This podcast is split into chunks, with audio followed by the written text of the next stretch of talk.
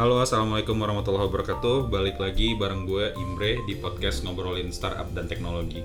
Nah, berhubung eh, pilpres sudah kelar dan kita udah tahu hasil akhirnya kayak gimana, jadi kali ini gue pengen bahas salah satu website yang trafficnya lumayan tinggi kemarin ketika masa-masa pilpres dan digunakan untuk kira-kira membantu kita untuk memilih pilihan kita. Jadi hari ini kita bakal ngobrol dengan salah satu kreatornya. Kreatornya adalah salah satu rekan kerja gue juga, namanya Ferry Yandi. Halo Fer. Halo Mas Imre. Santai aja, gak masalah. Oke, jadi uh, kali ini kita bakal cerita tentang uh, projectnya itu seperti apa dan hasilnya seperti apa, impactnya seperti apa, dan kemudian nanti kita juga bakal bahas-bahas hal lain lah. Ya. Jadi uh, kira-kira kayak gitu. Nah sekarang sebelum kita lanjut lebih jauh tentang project yang pernah dikerjain waktu itu, gue pengen kenalan dulu dong. Boleh kenalan nggak Fer? Siap. Uh, Oke nama gue Ferry. Um, gue sekarang kerja di Traveloka. Bagian dari tim data. Uh, satu tim sebenarnya sama si Mas Imre ini. Uh, kan- Tadinya ketahuan ya orang podcast gue tuh ada Traveloka. Oke oke. Jadi dia Oke, eh, secara kasar sih kerjaan gue sekarang sebagai software engineer backend, uh, enablement eh, namanya enablement tracking dan enablement data pipeline. Oke oke. Oke. Sip. Eh, selain eh, ngantor, biasanya lo sibuk ngapain di? Eh, tidur, ya. Produktif sekali ya. Kadang-kadang sih eh, ya ngerjain proyek-proyek kecil lah, ya belajar-belajar dikit lah. Oke oke oke. Nah eh, sekarang lagi belajar apa? Kalau boleh tahu? Sekarang lagi belajar, kebetulan karena di kerjaan pakai Golang sekarang gue lagi belajar pakai Golang sih sekarang. Eh, susah nggak sih? Bagi lo? Menurut lo gimana? Eh, wah itu sebenarnya sejujurnya gue suka banget sih sama gue. Dia punya apa ya? Dia memaksa lu untuk membuat suatu kode yang bagus sebenarnya jatuhnya. Oke. Lebih baik daripada bahasa yang lain lah. Wisi, United banget ya. Oke sip. Nah jadi eh, kalau gue boleh cerita dulu, Ferry ini adalah salah satu dari beberapa orang ya. Ada berapa orang sih? Ada lima orang. Nah, waktu lima orang yang eh, mengerjakan sebuah project yang mungkin lo pernah pakai itu namanya pilah pilih pilpres. Betul. Bener ya. Nah jadi pilah pilih pilpres ini kayaknya kemarin ini cukup kontroversial nih kayak kemarin itu ketika gue buka WhatsApp keluarga gue, oh ada ini nih, cobain ini, cobain Oh, ini. beneran gitu? Bahkan di semua hampir semua grup WhatsApp gitu ada yang nge-share gitu. Nah sekarang kalau ada yang bil- belum tahu pilah pilpres, pilah pilih pilpres itu apa, boleh tolong jelasin nggak Fer? Itu sebenarnya apa sih? Oke, secara singkat tuh sebenarnya dia bentuknya adalah sebuah quiz online eh, di mana dibuat untuk agar orang yang memakai quiz tersebut bisa tahu kira-kira nih pilihan calon presiden waktu itu yang cocok sama aspirasi kamu tuh yang mana sih kira-kira. Dari hasil quiz tersebut bakal bisa dilihat nih kira-kira condongnya ke pilih calon pilih pres yang pilih apa presiden yang mana nih. Oke, itu. jadi itu kurang lebih ngebantu orang yang masih galau ya. Iya. Karena kalau orang udah milih si A atau si B itu biasanya udah nggak bisa dirubah lagi. Iya. Walaupun hasil quiz lo bilang kayaknya lu cocok sama yang satu lagi nih kayak gitu. Tuh. Nah, kalau gue pengen tahu lebih jauh, kenapa sih bisa ada ide kayak gini? Idenya datangnya dari mana? Kalau ide sendiri datangnya dari temen sih. Namanya waktu eh, namanya adalah Asanil Tafahda, teman waktu kuliah. Kena mention juga ya namanya ya. Iya, harus lah. Dia dia orang yang sangat inspiratif. Jadi follow aja Twitternya. Oke. Eh, dia waktu itu sempat kepikiran kayak tiba-tiba nge-tweet nih di Twitter. Eh, ada yang ke- ada nggak sih yang kepikiran buat bikin quiz online biar orang-orang yang eh, masih golput nih eh, bisa menentukan pilihannya condong ke 01 atau 02 gitu kan. Nah, dia pengen bantu orang-orang yang golput itu biar nggak golput ntar, biar eh, paling nggak mereka ikutlah ke pesta demokrasi ini untuk memilih kan gitu. Iya, iya, iya. Ide awal dari si si teman saya ini, si Nilta ini. Oke, nah eh, sebelum lebih jauh nih, gue pengen eh, orang biar tahu juga bahwa sebenarnya proyek ini tidak dibuat untuk mendukung salah satu pasangan Betul. calon kan ya. Takutnya nanti ada klaim-klaim wah ini nih pendukung sini nih kan repot juga kan. nah, jadi gue pengen bahas dulu tentang eh, kira-kira project ini tuh kayak ngerjainnya berapa lama sih Fer? Dari awal itu kira-kira start kapan? Oke, kalau start tuh sebenarnya sekitar 3 du- atau dua minggu sebelum tanggal 17 April itu kan ya. Gokil project dua minggu sadis. Nah, lebih sadisnya lagi adalah karena kita semua sibuk, ya, ya, ya. eh, semua kerja, jadi baru dibikin satu minggu sebelum sebenarnya. Jadi pertanyaan, Satu minggu research, eh, dan development websitenya itu satu minggu sebelum banget jadi bener-bener kayak pak agak panik sih waktu itu karena udah mendekati 17 April tapi kita belum merealisasikan apa yang kita inginkan Waktu itu satu minggu sebelum pilpres, eh, kelarnya waktu itu berapa hari sebelum pilpres? kelarnya adalah 15 April jam 2 siang Jam 2 siang. Jadi abis itu lu baru rilis ke production, langsung ada traffic. langsung ada traffic Ini gue penasaran awalnya lu bikin project ini karena emang pengen diseriusin atau karena pengen ya udah main-main aja yuk terus bikin project kayak gini. Oh kalau awalnya sih sebenarnya gini, awal ide kan dari asal Nilta Fada itu Nilta eh, dia tadinya mau bikin sendiri sebenarnya bersama beberapa temannya. Nah tapi karena dia ada kesibukan yang cukup eh, banyak, jadinya dia minta bantuan saya untuk bikinin nih si website ini agar bisa dipakai sama eh, sama teman-temannya gitu kan.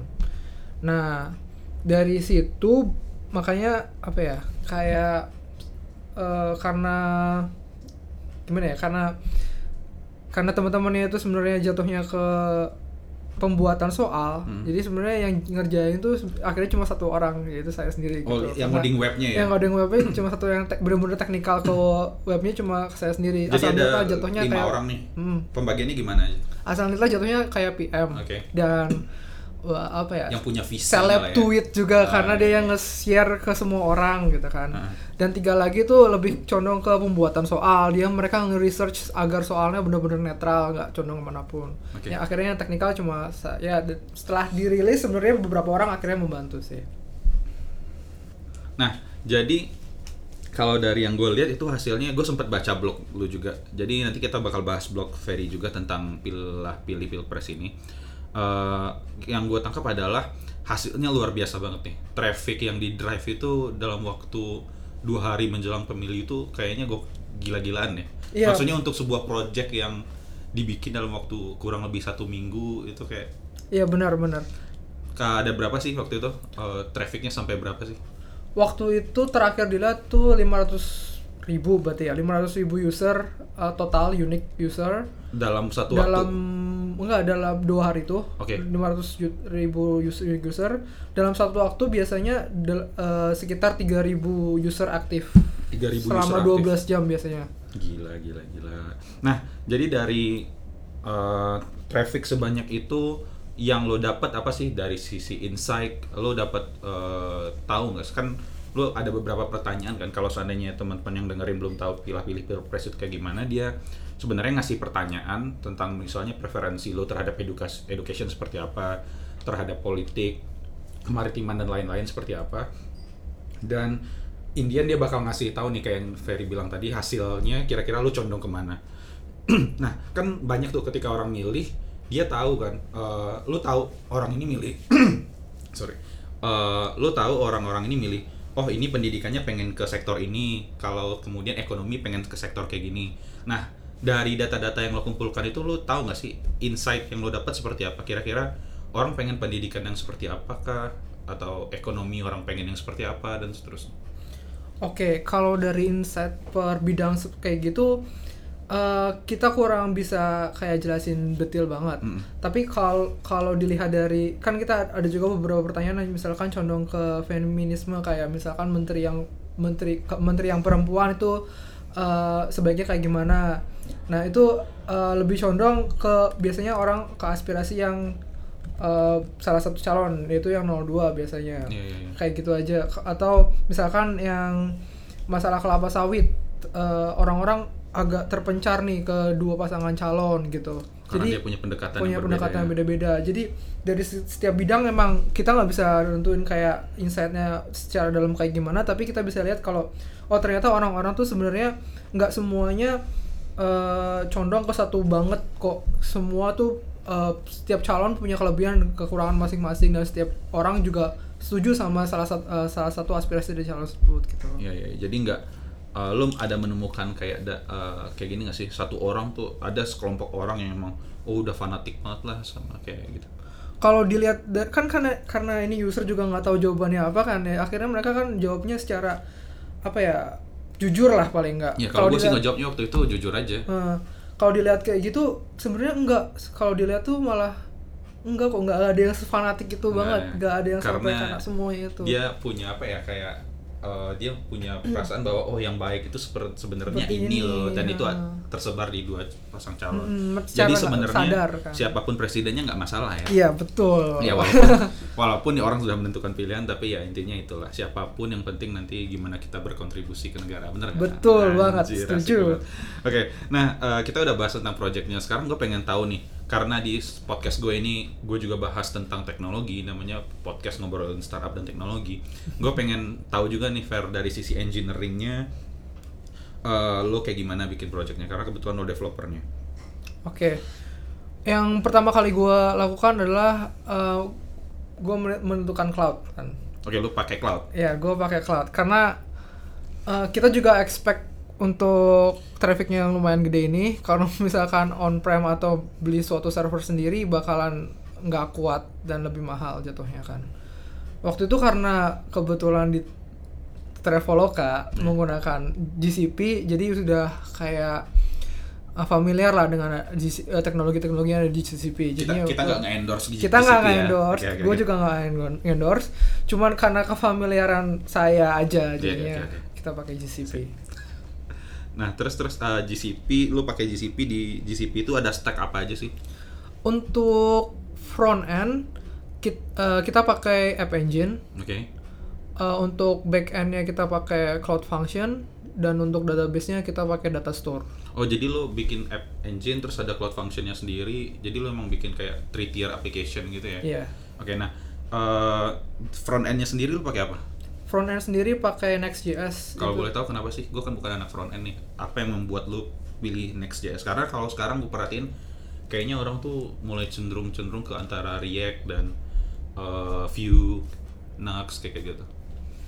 Oke, ka- eh, ini personal opinion sih sebenarnya. Iya. Lebih enak aja kalau eh, Next.js tuh di, di, di ngedevelopnya dan dia juga punya server side rendering juga sehingga nggak semuanya harus ditangani oleh klien sebenarnya. Jadi kalau misalkan emang itu berat ya udah ditaruh aja di server daripada kalau semuanya di klien ditaruh di klien semua kan kasihan kliennya sebenarnya sih. satu hal yang gue lihat dari website uh, pilah-pilih press ini kemarin adalah emang websitenya ketika gue ngeklik quiz itu tuh kayak ringan banget kayak loadingnya itu nggak banyak ya nggak sih Iya, Itu karena, karena itu akhirnya di ya. belakang sih. Itu bagus banget Beberapa yang dan menurut gue itu juga sih salah satu faktor kenapa orang-orang kayaknya nyaman banget makanya ada nggak sih lu menemukan ada orang yang submit berkali-kali gitu eh ada sih beberapa, tapi nggak banyak sebenarnya. berarti itu kayaknya mungkin orang yang nggak percaya harusnya gue dapet ini nih tapi gue dapet yang lain Bisa, bisa jadi.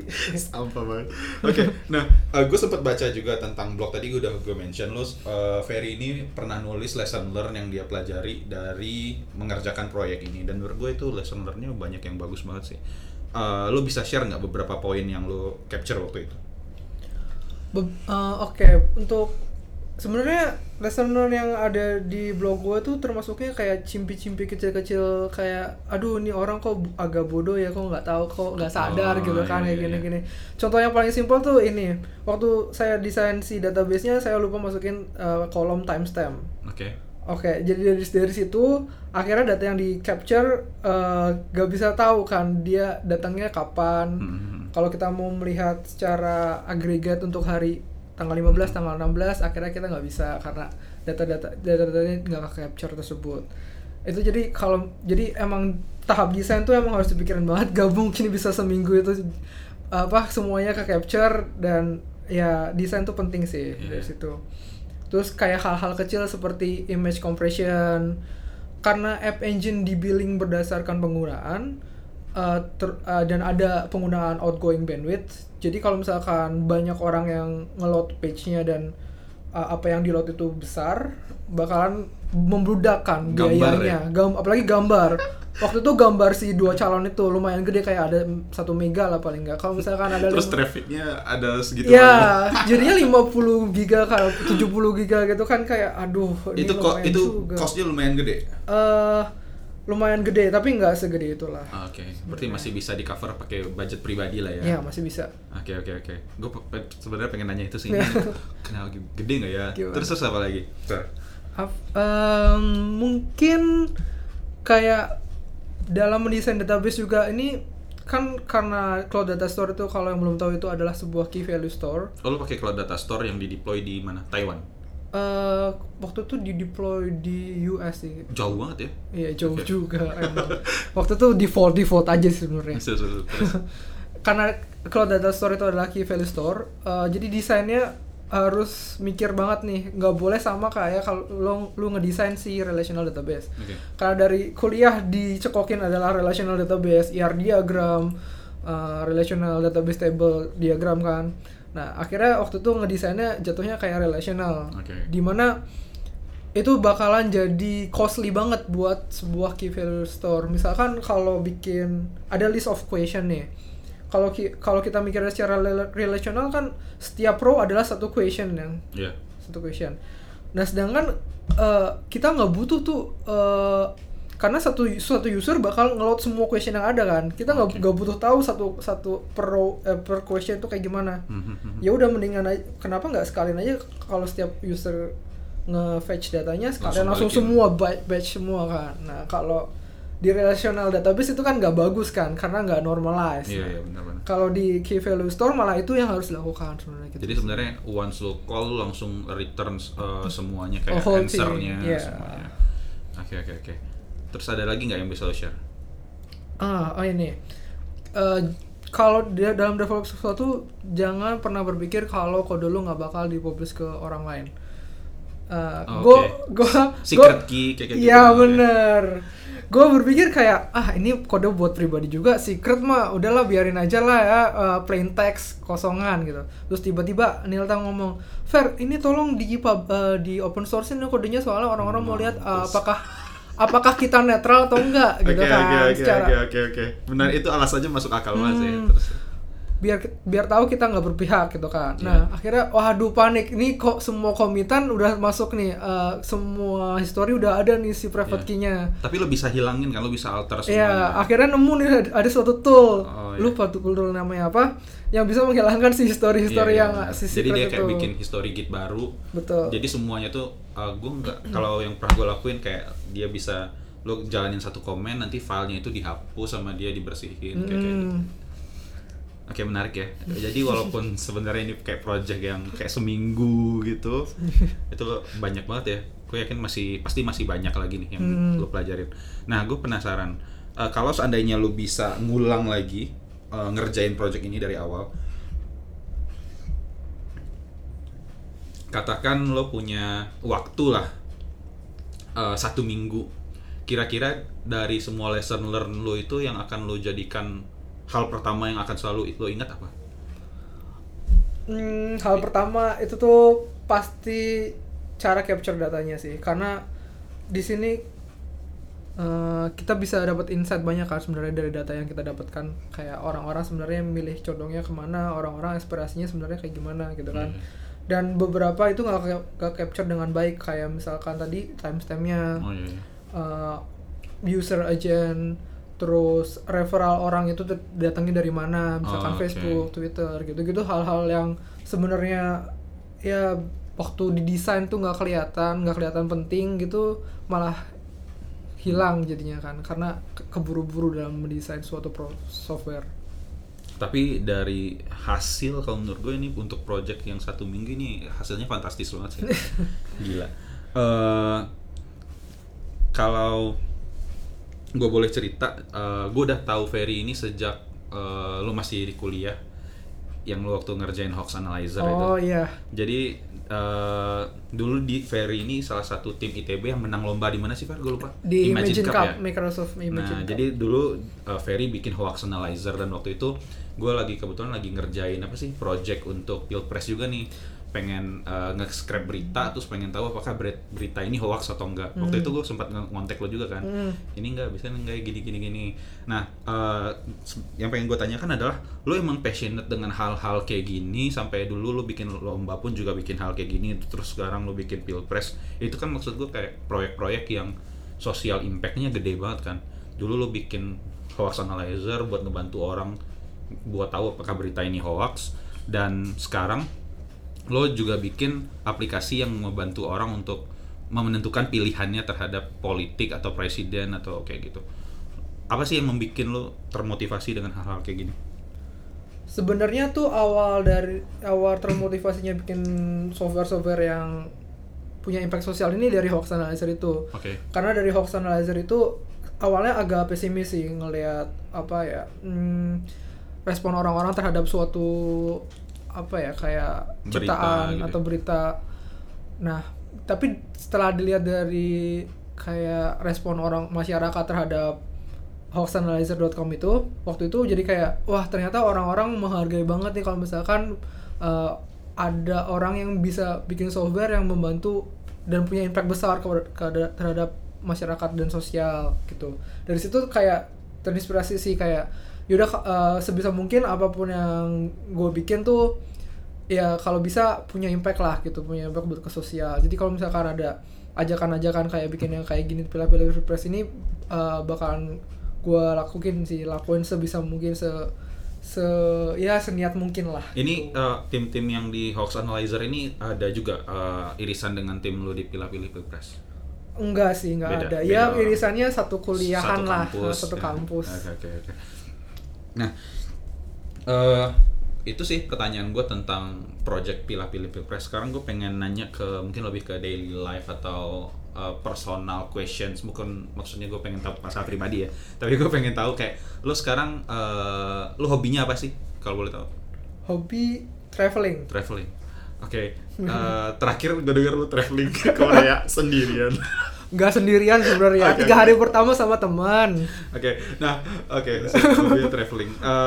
Ap- kenapa sih lu suka traveling? Apa yang bikin lu pengen melakukannya?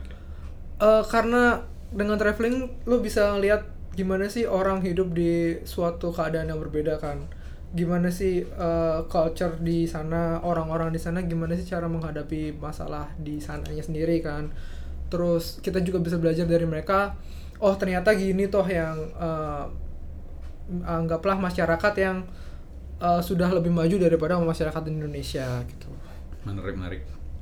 Nah, kalau eh, lo udah lulus berapa tahun sih? Dua tahun, tiga tahun ada ya? baru dua tahun sih Dua kayaknya. tahun. Lalu ada saran gak sih untuk adik-adik lu yang baru lulus kuliah tentang bagaimana caranya, maksudnya saran untuk karir lah, sa- saran untuk karir mereka. Karena kan dulu lo dari TB menang lomba Imagine Cup itu nggak semua orang gitu kan bisa. Dan sekarang lo bikin sesuatu yang fantastis kayak gini, lo kalau bisa ngasih saran ke adik-adik lo, lo bakal ngasih saran apa? Atau ke teman-teman lah semuanya. Hmm, cobalah bikin suatu project software yang punya impact untuk masyarakat karena sebenarnya kalau waktu ini juga listener dari hoax analyzer kemarin dengar banyak dari masyarakat tuh mereka sebenarnya butuh banget orang-orang yang kayak kita kita ini untuk membuat sesuatu yang punya impact besar di masyarakat untuk dapat bisa membantu mereka gitu. Nah, eh, kita tuh saat ini sangat dibutuhkan. Jadi jangan merasa kayak kita nggak bisa apa-apa, eh, kita belum menang lomba. Gue nggak, gue nggak pernah menang lomba kompetitif programming sama sekali kok juga. Iya, iya, lomba iya. yang pertama kali gue menang cuma satu itu doang, Iya. seperti beruntung. Tapi gokil banget ya. Nah, jadi kayak jangan merasa kayak nggak mampu melakukan apa-apa sih sebenarnya karena semua pasti ada jalan, semua orang punya jalannya sendiri-sendiri kan. dari yang gue tangkap intinya adalah ketika lo pengen melakukan sesuatu, lakukan dan selesaikan ya nggak sih? Iya betul. Karena kalau seandainya, kalau gue nih terus terang ngeliat satu minggu, apalagi dengan background gue yang bukan anak front end, gue nggak bisa JavaScript, terus gue ngeliat, ah kayaknya nggak bisa nih, pasti gue udah mundur duluan kayak gitu. Oke, sip. Eh, itu aja sih. Eh, thank you Fer udah mau sparing waktunya buat ngobrol-ngobrol. Eh, harapannya nanti banyak orang yang terinspirasi. Eh, kalau seandainya ada yang pengen nanya-nanya, lu biasanya sosmed aktif di mana nih? Um, Twitter, Di Twitter ya? Twitter, Twitternya apa? Feriandi. at Feriandi. Oke mantap. Nanti kalau seandainya ada yang mau uh, Japri, Kak Ferry keren banget gini-gini langsung ke Twitter. Oke, dari gue itu aja. Kalau seandainya kalian punya masukan atau saran tentang uh, topik bahasan atau speaker yang pengen kalian uh, dengerin berikutnya, silahkan kasih tahu gue juga di Twitter @imbrenagi dan jangan lupa follow uh, podcast ngobrolin startup dan teknologi dan subscribe ke YouTube channel gue. Asik, gue selalu promo Fer. Siap. Jadi jadi itu aja. Terima kasih yang udah dengerin. Wabillahi taufiq wal hidayah. Assalamualaikum warahmatullahi wabarakatuh. Oh iya, sebelum daripada orang disalah, Jadi apa pun yang kita obrolin ini nggak berkaitan dengan employer kita. Jadi ini emang personal experience dan nggak ada kaitannya dengan Traveloka atau perusahaan lain.